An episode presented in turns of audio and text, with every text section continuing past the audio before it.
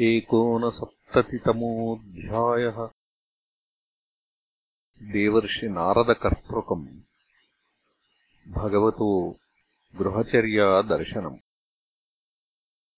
श्रीशुक उवाच नरकम् निहतम् श्रुत्वा तथोद्वाहम् च योषिताम् कृष्णेनैकेन बह्वीनाम् तद्दिदृक्षुः स्म नारदः चित्रम् बतैतदेकेन वपुषा युगपत्पृथक् गृहेषु व्यष्टसाहस्रम् त्रिय एक उदावहत्। इत्युत्सुको द्वारवतीम् देवर्षिर्द्रष्टुमागमत् कुस्थितोपवन आराम द्विजालिकुलनादिताम्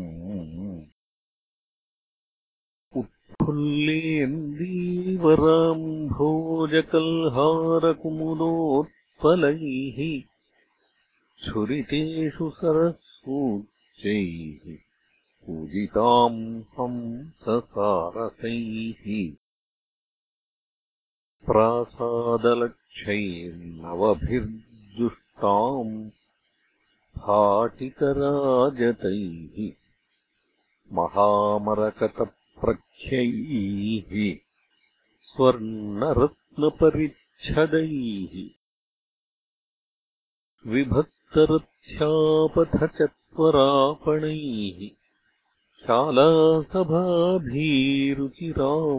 सुरालयैः संसिक्तमार्गाङ्गणवीधिदेहलीम् पतत्पताकाध्वजवारितातपाम्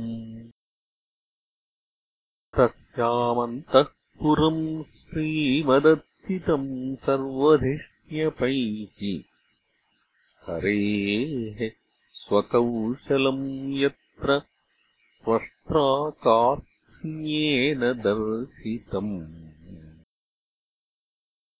तत्र षोडशभिः सद्मसहस्रैः समलङ्कृतम्। विवेशैकतमम् शौरेः पत्नीनाम् भवनम् महत् विष्टब्धम् विद्रुमस्तम्भैर्वैदूर्यफलकोत्तमैः इन्द्रनीलमयैः कुड्यैर्जगत्याचाहतत्विषा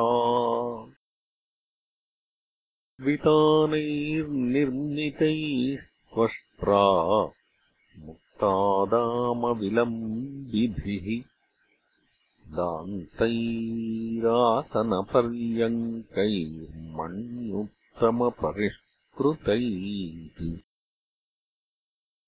दासीभिर्निष्ककण्ठीभिः सुवासोभिरलङ्कृतम् पुंभिः सकञ्चुकोष्णीशसुवस्त्रमणिकुण्डलैः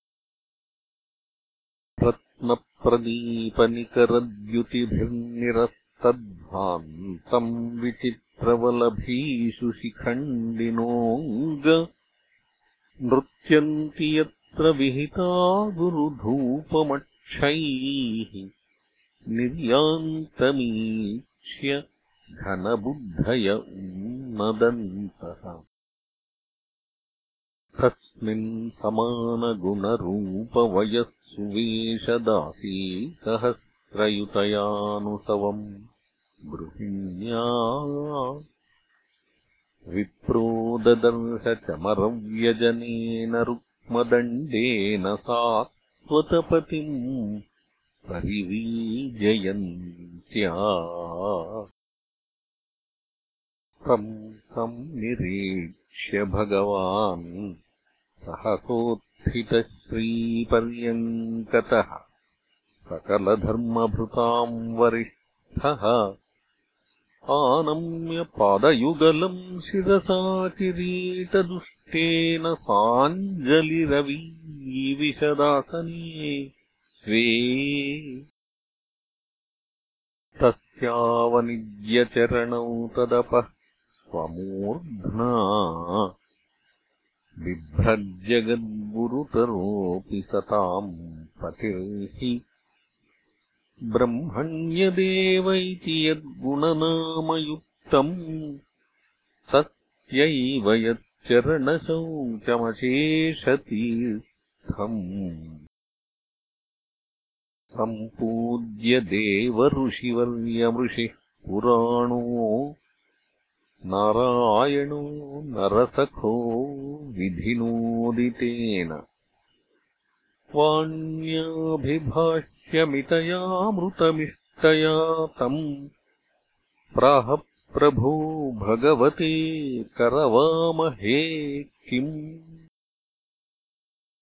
नारद उवाच नैवाद्भुतम् त्वयि विभोऽखिललोकनाथे मैत्रीजनेषु सकलेषु दमः खलानाम् निःश्रेयसाय हि जगत्स्थितिरक्षणाभ्याम् स्वैरावतार उरुगाय विदाम सुष्ठु।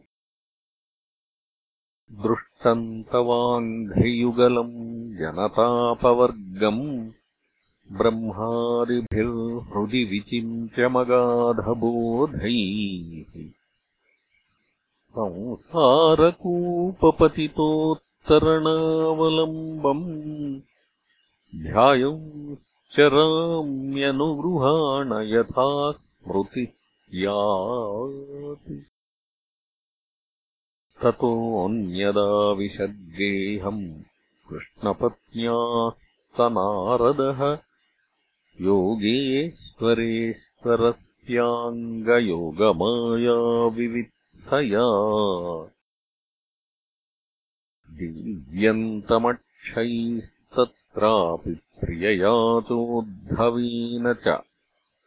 पूजितः परया भक्त्या प्रत्युत्थानासनादिभिः। पृष्टश्चाविदुषेवासौ कदा यातो भवानिति। क्रियते किम् नु पूर्णानामपूर्णैरस्मदादिभिः।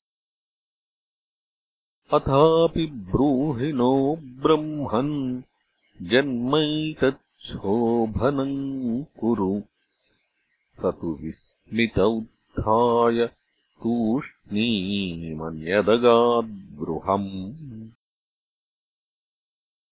तूष्णीमन्यदगाद्गृहम् तत्राप्यचष्टगोविन्दम् लालयन्तम् सुतान् शिशून्। ततोऽन्यस्मिन् गृहे पश्यन्मज्जनाय कृतोद्यमम्। जुह्वन्तम् च वितानाग्नीन् यजन्तम् पञ्चभिर्मखैः भोजयन्तम् द्विजान् क्वापि भुञ्जानमवशेषितम्। क्वापि सन्ध्यामुपासीनम्। जपन्तम् ब्रह्मवाग्यतम्। एकत्र चासि चर्मभ्याम् चरन्तमसि वर्त्मसु अश्वैर्गजैरथैः क्वापि विचरन्तम् गदाग्रजम् क्वचिच्छयानम् पर्यङ्के स्तूयमानम् च वन्दिभिः मन्त्रयन्तम् च कस्मिंश्चित् मन्त्रिभिः चोद्धवादिभिः जलक्रीडारतम् क्वापि वारमुख्याबलावृतम्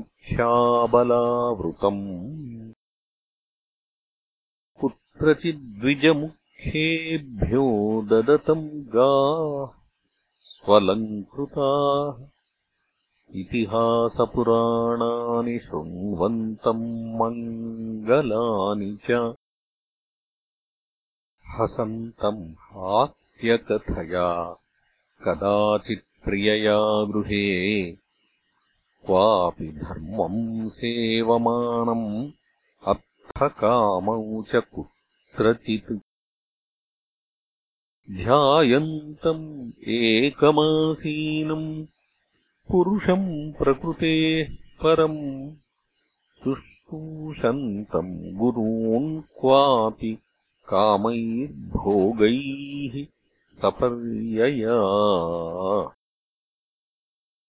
कुर्वन्तम् विग्रहम् कैश्चित् सन्धिम् चान्यत्र केशवम् पुत्रापि सह रामेण चिन्तयन्तम् सताम् शिवम्।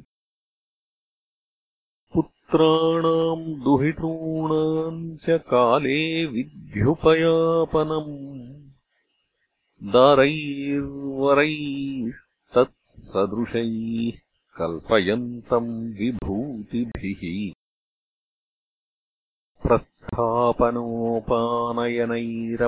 प्रस्थापनोपानयनैरपत्यानाम् महोत्सवान् वीक्ष्य योगेश्वरेशस्य येषाम् लोका विसिस्मिरे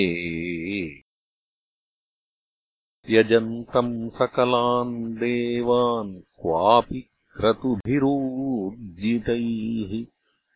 पूर्तयन्तम् क्वचिद्धर्मम् कूपाराममठादिभिः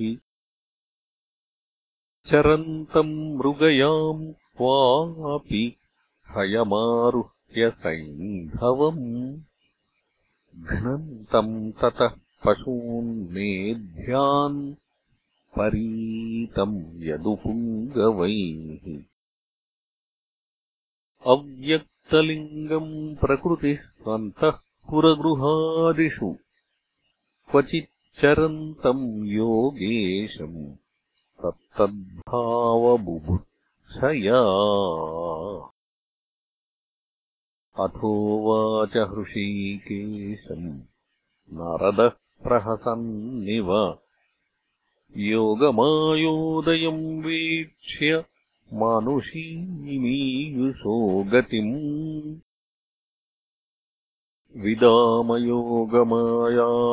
विदामयोगमायास्ते दुर्दर्शा अपि मायिनाम् योगेश्वरात्मन्निर्भाता भवत्पादनिसेवया अनुजानीहि मान् देव लोकास्ते यशसाप्लुतान् पर्यटामि तवोद्गायन् लीलाम् भुवनपावनीम्। श्रीभगवानुवाच। ब्रह्मन् धर्मस्य वक्ताहम् कर्ता तदनुमोदिता तच्छिक्षयन् लोकमिममास्थितः पुत्रमाखिदः।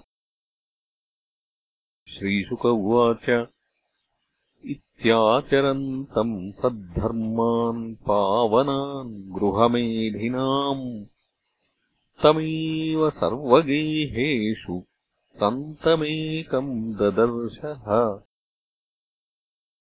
कृष्णस्यानन्तवीर्यस्य योगमायामहोदयम् मुहुर्दृष्ट्वा ऋषिरभून्विस्मितो जातकौतुकः इत्यर्थकामधर्मेषु कृष्णेन श्रद्धितात्मना सम्यक् सभाजितः प्रीतः तमेवानुस्मरन् ययौ। एवम् मनुष्यपदवीमनुवर्तमानो नारायणोऽखिलभवाय गृहीतशक्तिः प्रेमेऽङ्गषोडशसहस्रवराङ्गनानाम् सव्रीडसौहृदनिरीक्षणः स दुष्टः यानीह विश्वविलयोद्भववृत्तिहेतुः कर्माण्यनन्यविषयाणि हरिश्चकार। यस्त्वम् गगायति ह्यनुमोदते वा भक्तिर्भवेद्भगवति ह्यपवर्गमार्गे इति श्रीमद्भागवते महापुराणे पारमहंस्याम् संहितायाम् दशमस्कन्धे उत्तरार्धे एकोनसप्ततितमोऽध्यायः